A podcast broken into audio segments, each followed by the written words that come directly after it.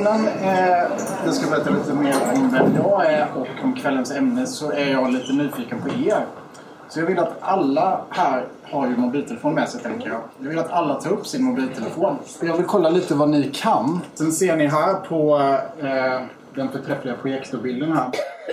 En adress som ni kan gå in på i er webbläsare.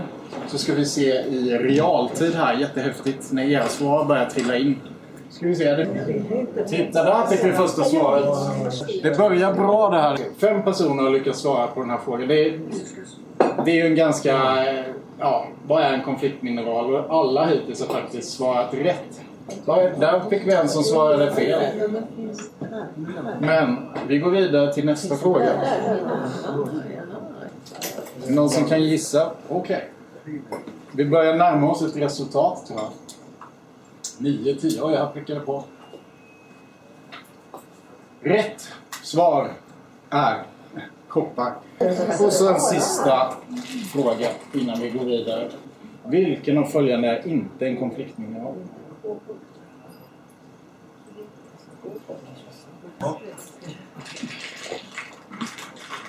Jag kan säga rätt svar är kobolt. Faktiskt. Det räknas inte som en eh, konfliktmineral i lagstiftning och sådär när det gäller eh, certifiering. och så. Men Gör eh, de andra det? de andra är konfliktmineral. Jaha. Jag ska berätta ikväll om eh, elektronikindustrins mörka baksidor är ju temat för kvällen.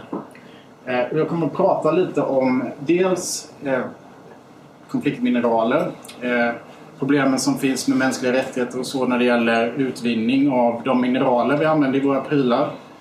Jag kommer att prata om eh, problemen i nästa steg i tillverkningen, nämligen industrin i eh, Kina och andra länder i Asien där våra prylar till stor del tillverkas. Jag kommer att prata om vad som händer med våra prylar efter att eh, de går sönder och hur det påverkar med avfall och sånt där.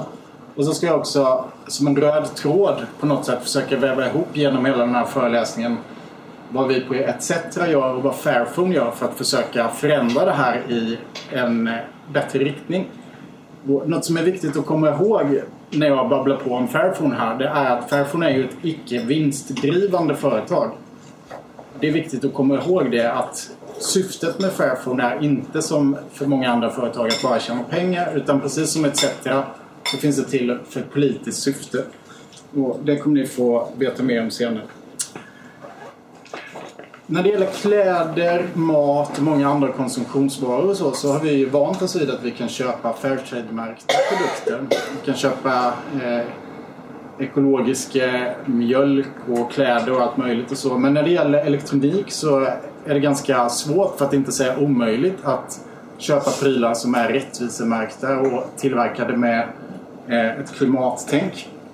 Om man säger så att Fairphone grundades liksom som en eh, det var egentligen från början var det en kampanj som uppmärksammade hela det här fenomenet med konfliktmineraler. Tenn, volfram, guld och så här. Eh, och det, var- det var någonting som man egentligen inte pratade om förrän för en 10 år sedan. Utan det är en ganska, ja 15 år sedan då, men det är en ganska ny debatt. Tidigare har eh, det inte funnits på debatten och att det gör det nu och att det sker ganska stora förändringar faktiskt inom elektronikindustrin. Det, det, det är tack vare bland annat Fairphone-initiativet. Eh, en, en stor del av eh, de mineraler som vi har i våra prylar de kommer från eh, Kongo.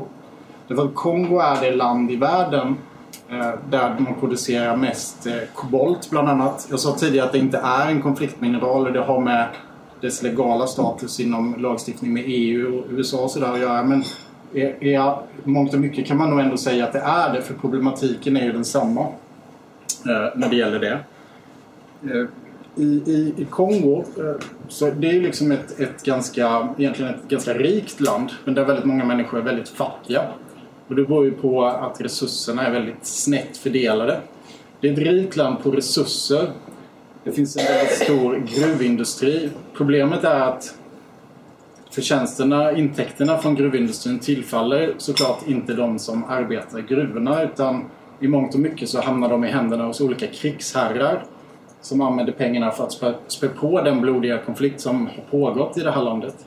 Där uppemot fem miljoner människor eh, har dött. när debatten började, eh, efter att den här debatten tog fart om konfliktmineraler och sådär så har det hänt en hel del på det politiska området kring det här. USA var faktiskt eh, väldigt tidiga med att införa en lagstiftning redan 2010 eh, som man kallar för Dodd-Frank.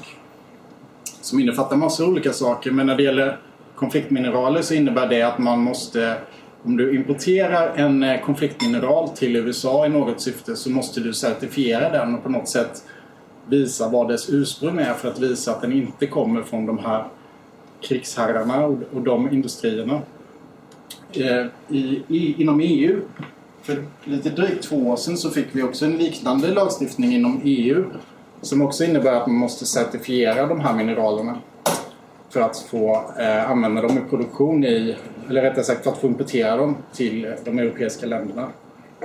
Problemet med båda de här lagstiftningarna det är dock bara att de, de innefattar bara om du importerar själva mineralen i sig. Och det är ganska sällan man gör det till våra länder därför att tillverkningen av elektroniken den sker ju inte här i våra rika länder utan den sker ju till stor del i Asien. Så på så vis så blir den lagstiftningen lite tandlös men det, det är ändå ett eh, steg i, i, rätt riktning.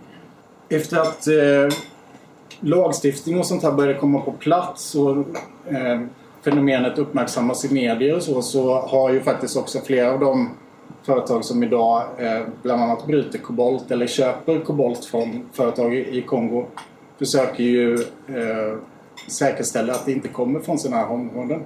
Och det, det har liksom haft bra, både bra och dåliga konsekvenser. Den dåliga konsekvensen är att stora delar av gruvindustrin i Kongo faktiskt eh, har fått läggas ner därför att man slutade köpa material därifrån. Vilket innebär att arbetaren i gruvan då står utan jobb. Och jag ska visa alldeles strax också ett videoklipp som handlar om hur Fairphone för eh, nio år sedan tror jag det är, långt innan när den här rättvisa etiska mobilen bara var en, en skiss på ett papper. Då var det liksom ingen som hade ens tänkt tanken att man skulle försöka åka till länderna där mineralerna kommer ifrån för att se om det ens är möjligt att utvinna det på ett schysst sätt. Det är liksom enorma, en enorm utmaning att göra det med byråkrati och korruption. Och du vet inte om de du pratar med, om det de, de säger stämmer. Eh, men Fairphone var liksom bland de första att verkligen försöka göra det. Kan man gissa vad det här är för något? Det här är kobolt. Vad tror ni att det vanligaste användningsområdet är för kobolt idag? Vindkraft. Vindkraft? Nej. Inte datorerna heller. Nej. Jag, jag trodde att någon skulle gissa batterier. Batterier gissar jag. Du gissar batterier. Men det är fel! Det är luring. Yes. Nej men eh, faktum är att eh, hälften, mer än hälften av all världens koboltproduktion den hamnar till slut i våra magar. Därför att det över hälften av all kobolt som produceras används till att göra kosttillskott. Vitamin B12. Det är en viktig komponent i den vitaminen. Så att eh, hälften av världens kobolt går till kosttillskott. Men det händer saker och det händer saker fort. Vi får ju en allt mer elektrifierad tillvaro. Eh, inte minst vad gäller elbilar. Och många de flesta elbilsbatterier som finns idag eh, så används kobolt. I alla era mobiltelefoner som ni har här så finns det, tror jag i alla fall, det var någon som hade en riktigt gammal telefon tror jag, men eh, de flesta batterier finns det kobolt. Mellan 5 och 10 gram i varje batteri. Grejen är att det går att tillverka batterier utan kobolt. Men det är dyrare än att tillverka batterier med kobolt. Det går alldeles utmärkt att skapa eh, litium-jonbatterier utan kobolt. Ett exempel är Tesla som ju nu för tiden är en av världens största batteritillverkare i samarbete med Panasonic. Då. Man tar över allt mer av produktionen själva och bygger nya fabriker och sådär. Men Teslas batterier, sedan de eh, introducerade sin första massproducerade elbil så har andelen kobolt sjunkit stadigt. Så det blir mindre och mindre andel kobolt i batteriet. Så att utvecklingen går ju framåt där. Men det skulle vara fullt möjligt att skapa lika bra batterier här och nu utan kobolt. Men då skulle det kosta lite mer. och det skulle också gå att producera batterier med kobolt som är utvunnen på schyssta sätt. Men då kostar det också lite mer. Yes. Hur bra går det att återvinna kobolt? Det, Det går alldeles utmärkt. Visst har vi koboltgruvor i Sverige? Nej, det tror jag inte att vi har. Men det finns väldigt mycket kobolt i den svenska berggrunden. Så att det, i en framtid med, med fler batterier så skulle Sverige kunna utvinna väldigt mycket. Eh, Och här har vi ju kollektivavtal och regler och miljölagstiftning och grejer. Eh, Så att det, det skulle kunna bli eh, någonting här i Sverige. Men jag nämnde lite tidigare att jag ska visa ett kort eh, ett, ett videoklipp eh, som handlar om Eh, utvinningen av kobolt. Och det man ska tänka på när man ser det här videoklippet att det här är alltså en by och ett kooperativ där det är bra villkor. De som jobbar där har det bra jämfört med hur det kan se ut på andra ställen. Det är från den här byn som batterierna i Fairphone kommer.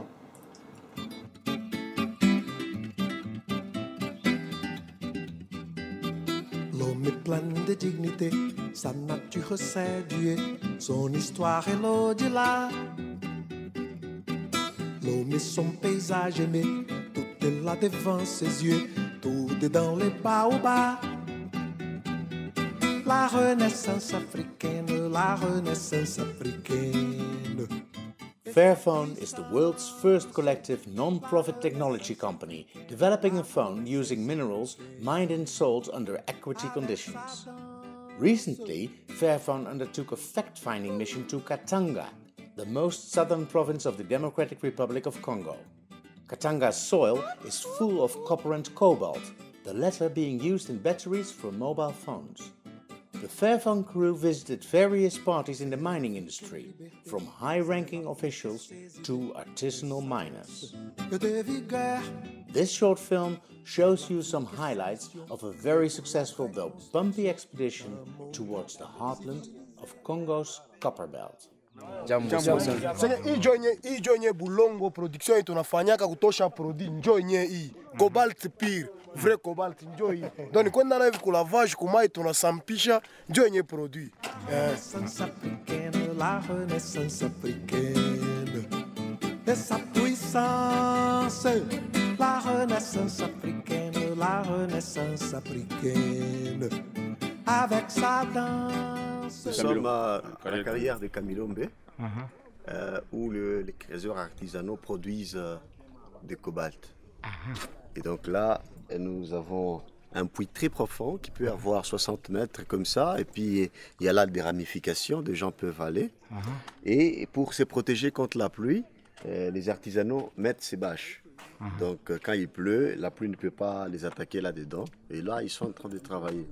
Et généralement, dans les puits comme ça, ils sortent pas tout de suite. Ils font des réserves là, et les jours de sortie, ils sortent ça le même jour. Il fait, écoutez-moi, téléphone honnête. Il m'a téléphone et tout. Bego ne produire, ba batterie na manini bego ne produire na cuivre na cobalt. Cobalt iko natumika na hii ma telefone. Mais bale banatosha ile kobalt ya kuproduire telefone ni banani ni mweye donc mweye njo munaproduire hii mbele hapa iku hivi. Kesho banitransforme inakuwa mtelefone eske mungu nauziwa na babei vile nafai? Mungu naone amo? Eske honetete kwako? Paske faire ni honete mm. telefone eske hii unatoka? Ina correspond na ile kazi munafanya pengine hapana. 32% sape na tuiba abazungu muna bomubi abantu kwenu be na tuiba yatupa ma 10 ah, ma 8 ma 7 ma 6 pa vilemani 32% kaona ipima bien. Sasa objectif yenu objectif munatuambia bien kie munakuia mm. parce que problème yenu ni hii unatumika. mm. njo ile kunatoka mwile mwe mnafia ni nini? Kwanza kufanya. Parce que tulifata jana ku journal donc mnafia kuya. Mwanze kufanyisha matelefone a partir ya mkongo. Tuvi tulifata oui est ce que vile mtaifanya ile matelefone a partir ya mkongo? Shi benye tutaiproduire tutone yamo ou bien mtakuwa pour que na mwe mfanye mambo saa bantu wengine? Ok, la réponse c'est que objectif ni ini honnête. Mambo inachana. Haina Vodafone, haina Mifone, haina eh, Scandal Phone, iko Fairphone. téléphone honnête. Oh, minalomba tunalombako hivi kumwe bazungu batutafutieko basindika bamoi banze kutusemea koshi bacreuseur ndutu na ngai na seskambo ye kutusemea donc esa sindika oyo tomai quelque part ashi na sindika nju eku na esa moevi na parti pli muleta sasa shi ye shi bacreuseur donc tonakua saa babule muntu moevi na parti pli muleta mais pute nakua saa kue sindika yango donc ashi niseme mpaka bia bien. Sa moe mpaka ye atakuya sa moe anitokelela sindika wangu ananitosha tena. Donc sindika wangu atatokewa yo mpe tunapenda na shi tukua na basindika ndio vile tunapenda na shi wallangai makati aina dina jaja taraware wallangai makati aina dina ni toro do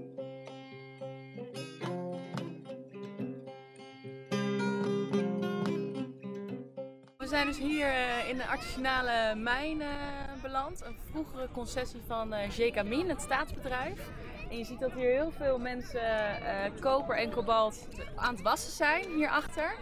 Ook echt hele kleine, kleine kindjes zie je hier eh, zowel wassen, scheppen. eh. nou, op het moment dat wij met de camera aankomen, dan worden de kinderen die aan het werk zijn eh, weggestuurd. Want dat eh, willen ze liever niet, eh, niet op camera.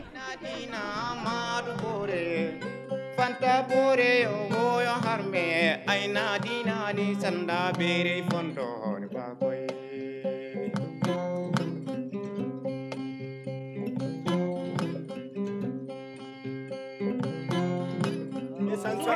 Oh, oh. Uh, 50 dollars. Hein. For this, the bag. Ah, 50 dollars. 50 dollar. 50 dollar. We willen wat kobalt kopen. We kopen liever iets van jullie in plaats van dat we hier geld geven gewoon omdat we hebben mogen filmen. En daar zijn we nu aan het over onderhandelen. En dat gaat eh, heftig. Dat is wel een druk. 50 dollars. 50 dollar. Oké. Niet meer. You give and you you share. Wallangai makati aina dina jaja taraware. Boka taraware yo harme aina dina ni wallai masina koira kanaina dina bore koti bela bore. Ummu sise yaga haiga Fairphone is a community of people, also consumers, who actually want to change the situation here. This area depends on carriers mining. If there is no mining, there is no money. No money, no life. We want to have one commission to whom we can have somebody who are able to know to handle the meteorites. Because all of us here, the diggers, we don't have uh, the capacity to know if this meteorite is correct or incorrect. That's why, for us, we will ask one commission to whom we can have somebody, some diggers who are able to handle the. And then we will have the percent what is very correct for us. C'est ça en fait la classe moyenne que le gouverneur veut toujours. Il veut faire une classe moyenne par les trésors. C'est Ouais, quoi? Une classe moyenne? Oui, il faut juste euh, responsabiliser ces gens, Mhm. d'être de bons entrepreneurs, de travailler, qu'ils sachent que la coopérative qu'on vient de créer. C'est une affaire d'éducation. Oui, c'est une affaire de l'éducation en fait. Bon, par les coopératives. Ce sont les coopératives qui doivent former leurs membres à produire, à faire un budget, à épargner, et ainsi de suite. Au moment où ils sont formés, il dit Ok, j'ai autant, j'épargne autant. À un moment, il est capable de hein, l'autonomisation. Il peut dire Je crée une autre activité. Fairphone peut contribuer à la transparence dans le secteur minier en, aidant les services qui participent à la certification d'être efficaces, notamment par la- l'appui aux coopératives de production dans le secteur minier et à l'analyse, à la certification des produits qui viennent des sites miniers artisanaux. Euh, et cela jusqu'au lieu de négoce où les acheteurs achètent et ceux-là vendent. Cela pour prouver que le, minerai qui vient est propre.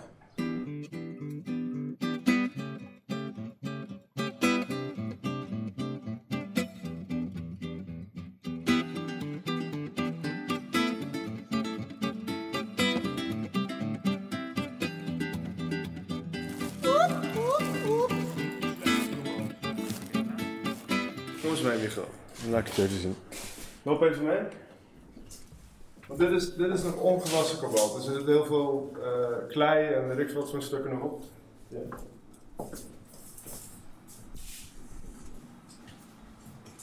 Kijk, dit, dit is een stuk kobalt. Hier zie je de kobalt zitten, het zwarte.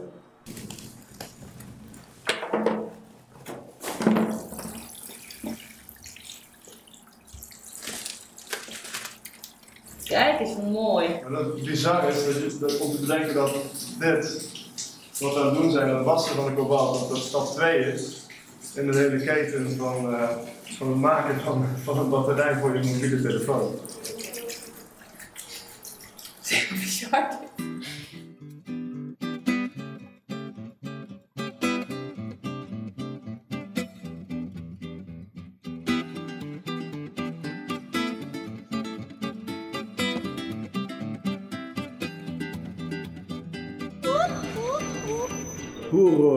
Normalement le consommateur qui se trouve, euh, c'est-à-dire à l'ouest, tout ce que nous allons demander, c'est de pouvoir nous accompagner dans cette idée hein, géniale qu'il vient de lancer, l'idée du commerce équitable.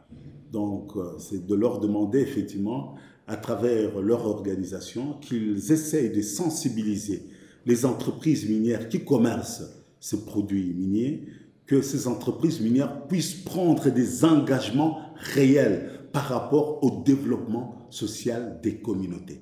Et que parmi les critères de cotation pour, euh, pour euh, l'achat de produits ou pour favoriser effectivement euh, le commerce, il faudrait qu'ils puissent inclure ces, ces critères.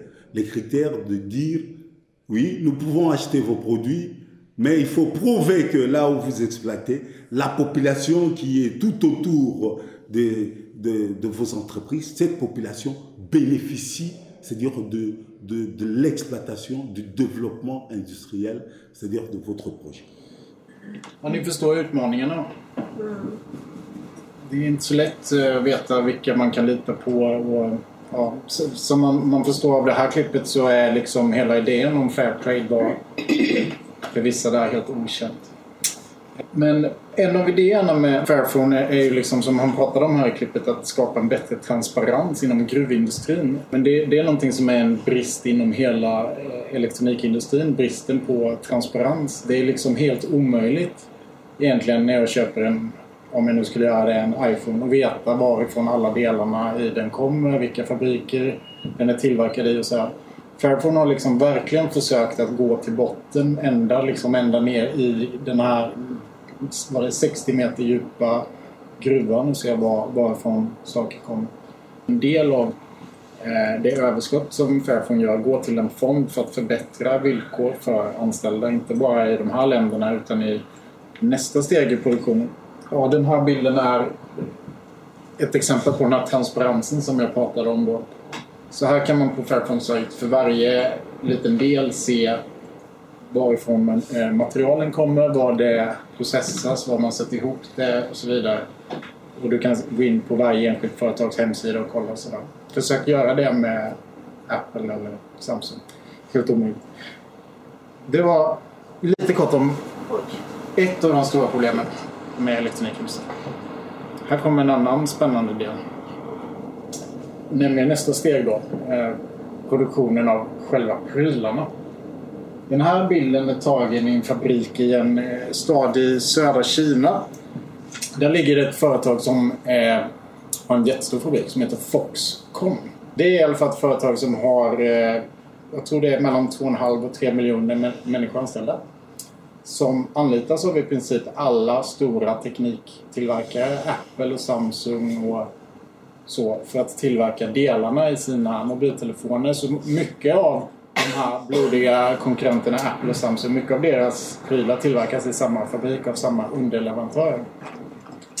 Och det är liksom en, bara den här fabriken har en halv miljon anställda. Så det är ju liksom en stad i sig själv med egen brandkår och vaktbolag och allt sånt här.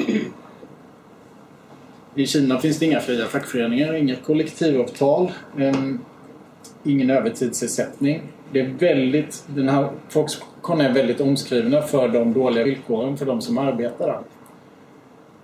Ett resultat av de dåliga villkor som råder är att självmordsstatistiken bland de som arbetar i fabriken är högre än här i vår mörka nord.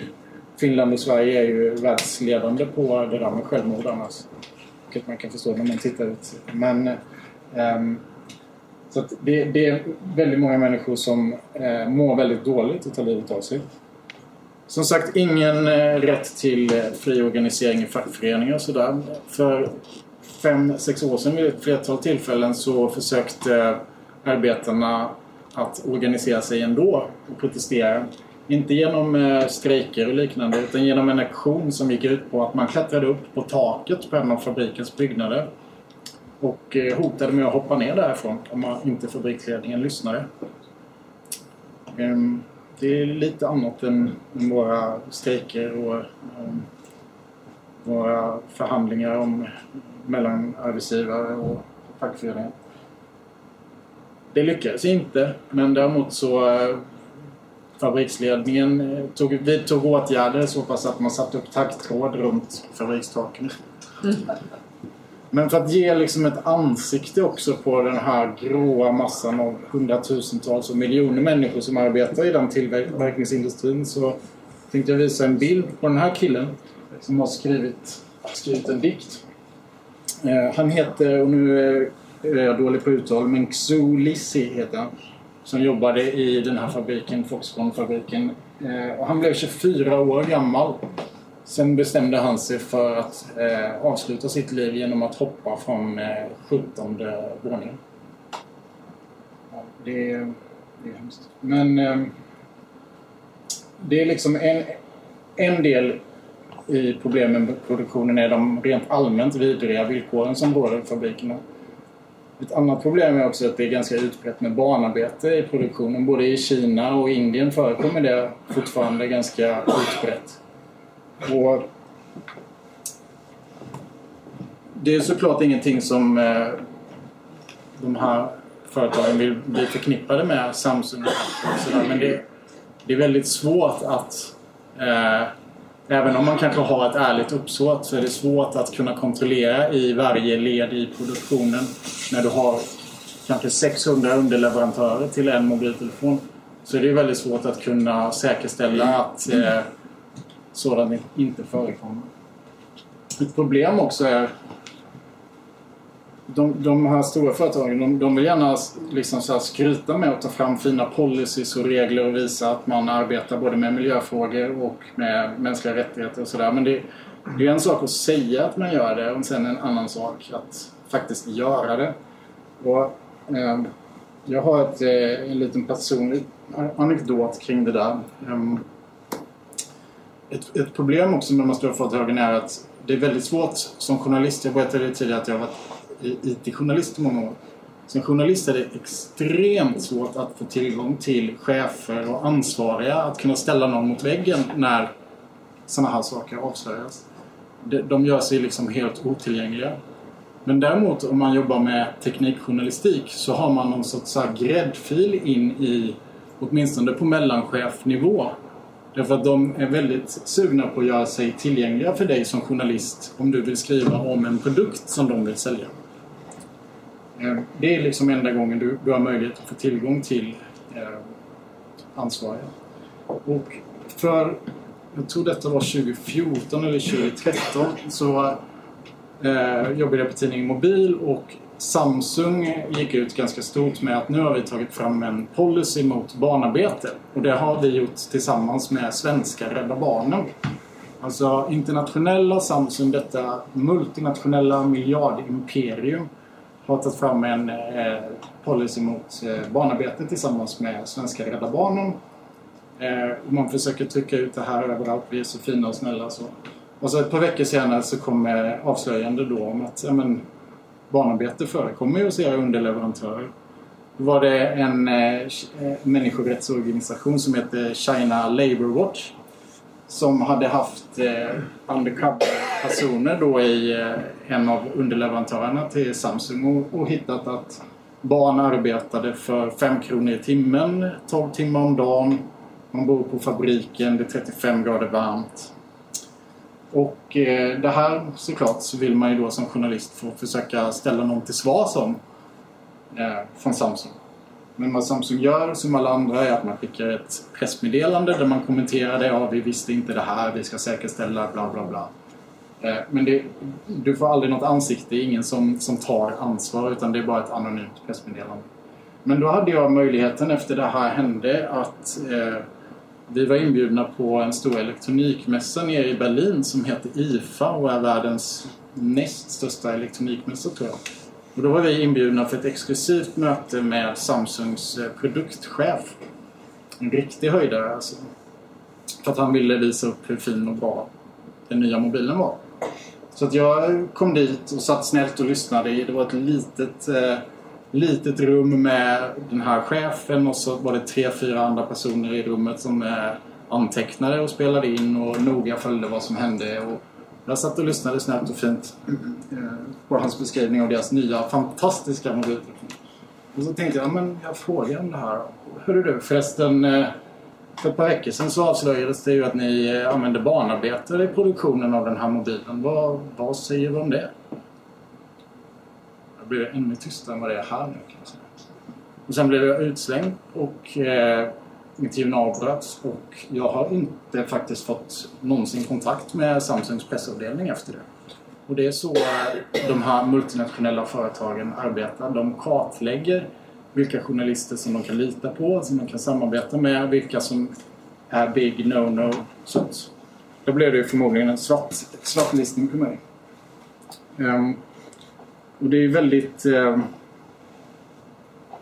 det är väldigt problematiskt den här bristen på transparens och bristen på granskning från journalistiken eftersom man ju är beroende av goda relationer också med, med som journalist är man beroende av goda relationer med teknikföretagen om du ska få testa deras senaste prylar före alla andra och få de där klicken som leder till annonsintäkterna från samma företag som är med och betalar för din lön. Då.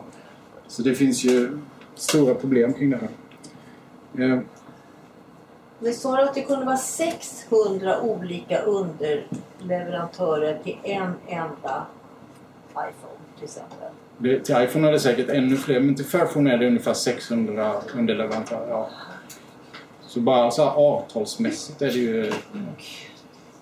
Men vi ska prata lite mer om Kina och jag ska visa ett kortare, lite kortare klipp den här gången som handlar om en tidigare bild jag visade, nämligen det här med guld.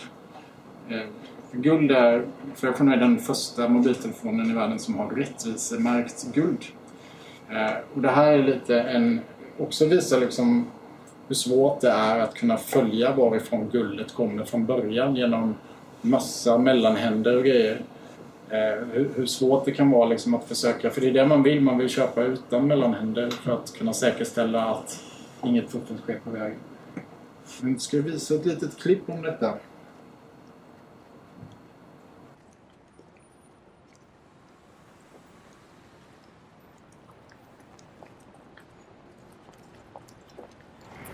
We're here today in Shanghai visiting ATNS, our printed circuit board supplier. Nice to meet you. I'm Moran, welcome to ATNS. One of the differences between Fairphone 1 and Fairphone 2 is now Fairphone 2 is fully developed by us, therefore to ask deeper questions to our supply chains.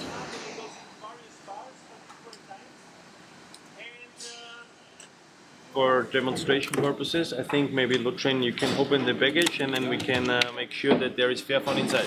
So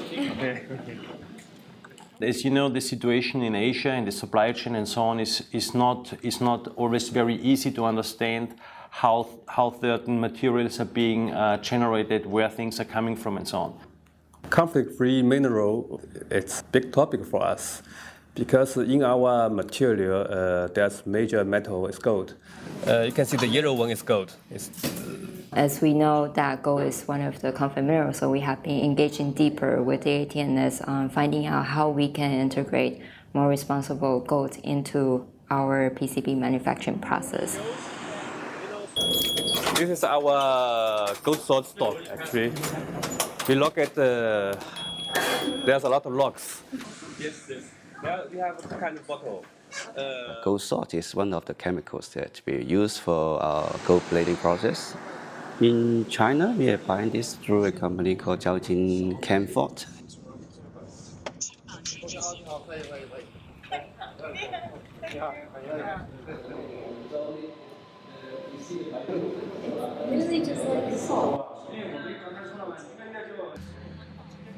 We know that uh, Jiaojin Camfort is buying the gold from the Shanghai Gold Exchange.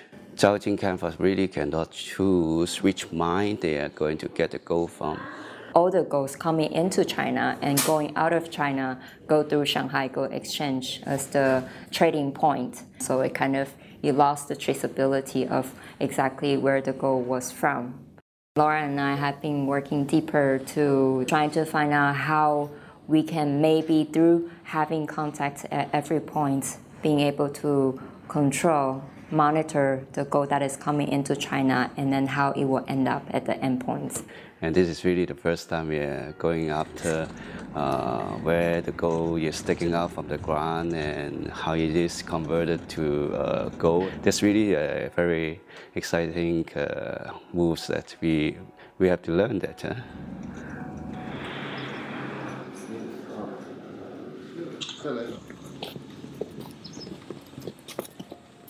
这厂开多久了？这个厂啊，八七年建矿的，八一九八七年。八七年就。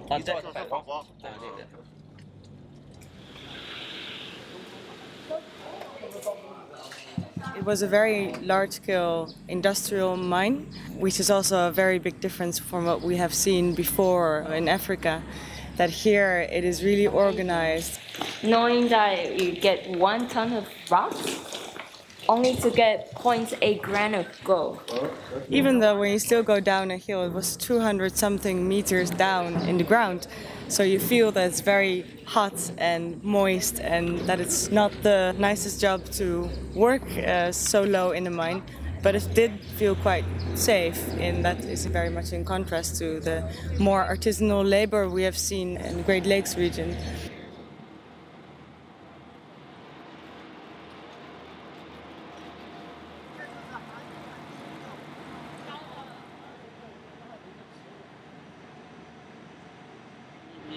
I thought it was more gold. this is just So now we are at the we are actually at Zhaojing's refinery. We are able to see when they receive the material and then how they use the process to refine it so it becomes gold bar in the end. It is an effort that does not immediately pay off. Uh, I guess that's one of the hard um, challenges that you will be dealing with, especially when you walk down the supply chain.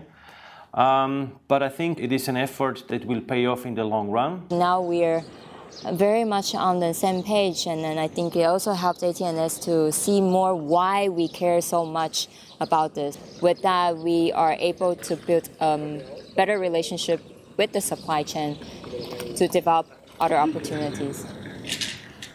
Nej, men som sagt, det, det är två delar då. Um, utvinningen av eh, material, produktionen av våra prylar. Sen ett annat problem är ju det här då. Vad som händer efter att eh, vi har använt våra eh, mobiler. De stora mobiltillverkarna släpper ju mobiler, minst nya mobiler, flaggskeppsmodeller som man kallar dem, de här dyra som alla vill ha. Eh, två gånger om året. Det är ju väldigt eh, problematiskt att vi går mot en utveckling där man hela tiden måste eh, köpa nytt. Vi har ju liksom en, en ekonomi som någonstans bygger på att vi hela tiden konsumerar saker. Eh, men det finns ju lagstiftning på det här området. Eh, alltså bara elektronikskroten och sådär hamnar sen. I Sverige är det så, jag tror att det är så inom hela EU faktiskt att säljer du eh, mobiltelefoner så måste du också kunna ta hand om dem efteråt. Problemet med det är, till att börja med så återvinns väldigt få mobiltelefoner. Bara i Sverige så finns det, jag såg en siffra, typ 3 miljoner mobiler som ligger och skräpar i skrivbordslådor och sådär. Eh, och sen är ju också problemet att ofta om man så skickar in sin mobil till eh, där man har köpt den, kanske från Tele2 eller någonting. Så säljer man vidare, Tele2 säljer vidare de eh, mobilerna till mindre till andra länder i Europa som inte är lika rika som vi. Och det är jättebra att mobilen på något sätt får fortsätta användas där då. Problemet är bara att efter det så eh, hamnar mobilerna ofta i Indien och Ghana. Eh, där de eh, hamnar på sådana här högar. Jag ska visa lite mer bilder från det.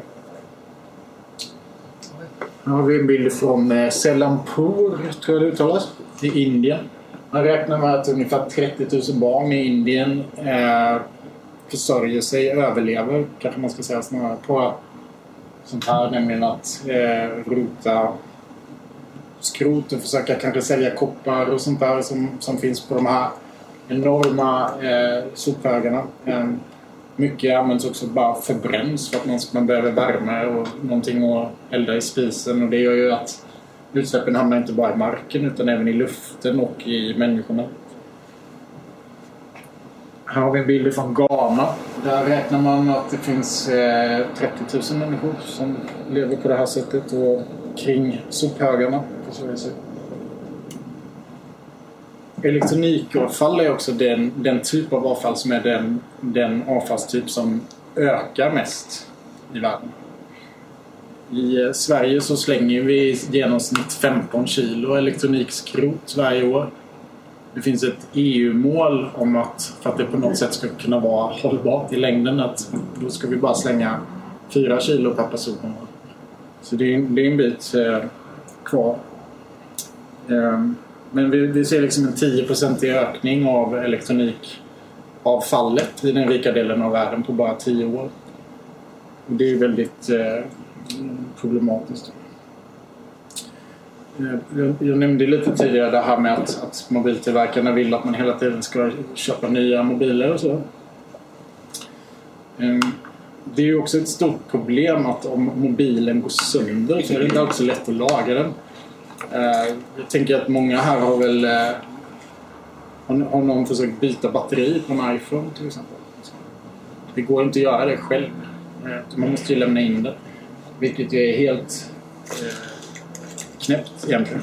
Men, men för att återknyta till, till Fairphone då så, så här, här har man liksom ett tänk att varje del i mobilen om den går sönder ska kunna byta, bytas ut enskilt. Så den är liksom uppbyggd um, modulärt. Um, kan skicka runt den här så får ni klämma på den också. Om man kollar på baksidan där så ser man att den är genomskinlig så man ser alla delar i den. Men tanken med det är liksom att medan genomsnittlig livslängd för en, för en mobiltelefon är kanske två, tre år. Sen måste man köpa ny. Och det är av anledningar som jag ska berätta mer om senare som är crazy. Men här är i alla fall tanken att livslängden ska vara minst fem år. Ehm, sen funkar det så med mjukvara och grejer som hela tiden kräver mer resurser att efter fem år så blir det nog tyvärr svårt att fortsätta använda den rent praktiskt. Men jag ska prata lite mer om det och varför det är så och man kan göra om det senare. Har, har ni hört talas om planerat åldrande? Det här är en glödlampa. Den här bilden är från i morse. Den glödlampan tillverkades 1901 och står i eh, en liten stad i Kalifornien. Det är lite roligt för man kan följa den via en webbkamera då. Ehm, och de har fått byta ut webbkamerorna eh, fem, sex gånger på tio år. Ehm, men lampan lyser fortfarande. Och nu går ju tack och lov utvecklingen mot att vi har LED-lampor som ska ha en eh, livslängd på 25 år. Men ni minns säkert lika väl som jag innan lågenergilamporna kom och så hur ofta glödlamporna gick sönder. Och det är, liksom, det är faktiskt ingen slump att det är på det sättet. Därför att redan 1924 så fanns det en kartell av eh, eh, glödlampetillverkare i västvärlden som gick samman och bestämde sig för att nej, fan, vi måste sälja fler lampor. Då kan de inte hålla så länge som de gör. Vi måste brin minska brinntiden. Och då finns det, har man ju avslöjat dokument som visar det här. Hur de här det var eh, General Electric och Philips och några till. liksom man gick samman och helt enkelt bestämde sig för att göra sämre glödlampor. Och en, en liten rolig anekdot i sammanhanget vad gäller just glödlampor är att i eh, det gamla Östtyskland där hade man ju en ekonomi som inte riktigt var som den vi är vana vid. Mm. Där, där tillverkade man glödlampor och även hushållsvaror och sånt här som var tänkt att hålla i 25 år, vilket de också gjorde. Mm. Men här i väst, eller liksom över hela världen nu egentligen, så har vi en, en marknadsekonomi där för att allting ska fortsätta snurra så måste vi köpa mer och mer och mer. Och det finns också exempel på hur eh, teknikindustrin då, Apple framförallt, eh, när man har analyserat koden i deras prylar så har man märkt att det finns eh, kod som gör att ju äldre mobilen blir desto långsammare går den. Är det någon mer än jag som har upplevt liksom att en dator eller en mobiltelefon faktiskt känns långsammare och långsammare ju äldre den blir? Ja, det, det är liksom inte en slump. Det, det, det finns... Eh, alltså på riktigt, man har, man har gjort kod för detta i iOS till exempel. Och för två år sedan så blev Apple stämda för detta i en italiensk domstol då, som eh, ville sätta stopp för det. Det resulterade i att man fälldes och fick betala typ 40 miljoner kronor i böter vilket ju är, det är ju ingenting för, Apple. Medan jag fortsätter prata om det så ska jag visa ett annat klipp som vi bara låter rulla medan jag pratar. Så ska jag förklara vad fasen det är för något under tiden. Jag pratade om det med, med Apple och att man alltså skapar kod som medvetet försämrar produkterna man har. Jag funderar lite på det här med en hållbar design rent fysiskt för elektronik. Varför man inte också kan skapa någonting som skulle kunna kallas för hållbart kodande. Ehm, därför att det här videoklippet ni ser nu, jag, jag är jättedatanörd. Det finns eh, en så här subkultur inom datanörderiet som kallas för demoscenen. Då finns det någonting som kallas för 64K-demo. Och det är någonting så nördigt som att utvecklare försöker på ett väldigt, väldigt begränsat eh, utrymme kod, nämligen 64 kilobyte, så försöker man skapa en grafisk demo. Och för att 64 kilobyte fattar inte folk vad det är kanske, men om du öppnar en dator och så skapar du ett Word-dokument. Du skriver ingenting i det och så sparar du det på din dator. Det är mer utrymme som krävs för att spara den koden än vad det har tagit för att göra hela det här videoklippet. Och det, det är liksom en vanlig bild du tar med kameran tar tio gånger mer utrymme med, än det här. Men det, det, det jag vill komma lite till det är liksom att man kanske kan få ett nytt tänk när det gäller mjukvaruutveckling. Att vi kan få massa nya funktioner och så vidare. Men man kanske inte ska förutsätta att vi hela tiden behöver mer kapacitet och nya prylar för att kunna skapa bra funktioner. Vi åkte ju faktiskt till månen 1969 med en dator som kan beskrivas som en avancerad miniräknare. Det här är, den har vunnit massa priser och sånt där. Jag kan stirra på den där en evighet men... Varför det? Du förstår inte riktigt. Därför att det, det här är liksom så här. Allting du ser här är matematiska formler och mm. eh, det är inga pixlar utan allting är eh, liksom fyrkanter och cirklar och grejer som tillsammans skapar en effekt. Det här ser ut som det är filmat på riktigt. Ja, det Men det tar, alltså.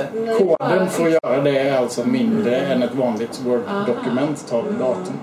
Så liksom någonstans få visa vad fantastiskt man kan göra om man ger sig fram på att göra någonting grymt men med begränsade resurser.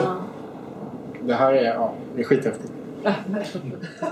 Tycker jag. Ni får googla på 64K på Youtube får ni gå in och söka på det så kommer ni hitta massor sånt där. Ni kommer aldrig bli samma. Men jag har pratat om eh, olika problematiska delar i tillverkningen av våra prylar. Om konfliktmineraler, konfliktfria mineraler, om design både vad gäller mjukvara och hårdvara, hur man kan tänka kring det hur Fairphone försöker förbättra arbetsvillkoren, eh, vad som händer med vårt e-avfall. Men det finns fler aspekter på det här också. Våra prylar drar ju väldigt mycket el när vi är uppkopplade mot nätet. Det är inte så att bara mobilen i fickan drar ström utan hela vägen ut via master på nätet till servrar och grejer så går det åt ström. Och internet som är globalt drivs ju av ström som till större delen är producerad fossilt. Kol, olja och gas. Så vi funderade lite på vad, vad kan vi liksom på ett sätt göra för att försöka förändra det. Och det är liksom... Ja, det enda man kan göra är egentligen att klimatinvestera för det. Ehm, så därför har vi skapat ett eget, eh, en egen mobiloperatör som heter ETC Mobil. Som fungerar precis som alla andra mobiloperatörer. Ehm, skillnaden är att allt överskott som inkommer från våra ungefär tusen kunder idag är det som har valt att ringa med ett Det används till att sätta upp solceller.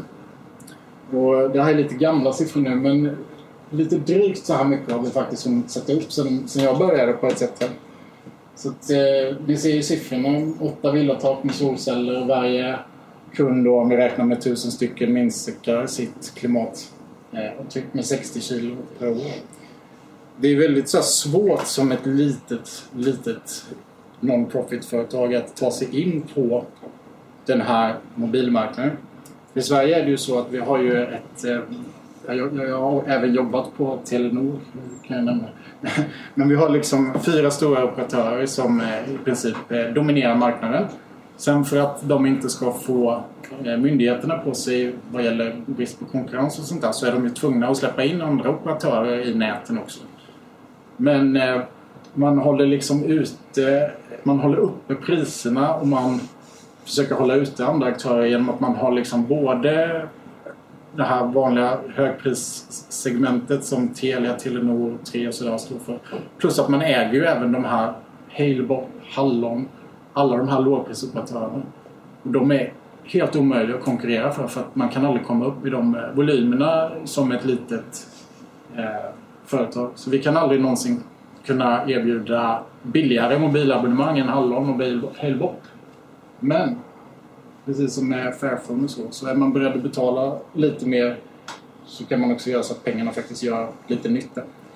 Men en spännande grej också. Eh, att vi försöker ta det här ett steg vidare nu och inte bara klimatinvestera. Utan det här är någonting... Ja, vad är detta? Det är ett helt nybyggt hus, det är inte riktigt klart än, som vi har byggt i vår solpark i Katrineholm. Tanken är att det här ska bli en serverhall en klimatsnäll serverhall där alla, så är det inte ännu, men alla sidor på det här huset ska täckas med solceller. Så att all el som används av de servrarna kommer komma direkt från eh, huset självt. Och tanken är att ETC då till att börja med ska flytta in alla våra egna servrar i det här huset. Och sen på sikt, projektet är fortfarande i sin linda, men på sikt är väl liksom tanken att klimatsnäll och radikal molntjänst. Att man ska kunna hyra in eh, sitt företag eh, och utveckla tjänster. Ja, om någon eh, händelsevis skulle vilja byta till Fairphone och ETC Mobil så kan du gå in på etcmobil.se. Billigaste abonnemanget med mobil kostar 379 kronor i månaden. Tack för att ni har lyssnat. Hum.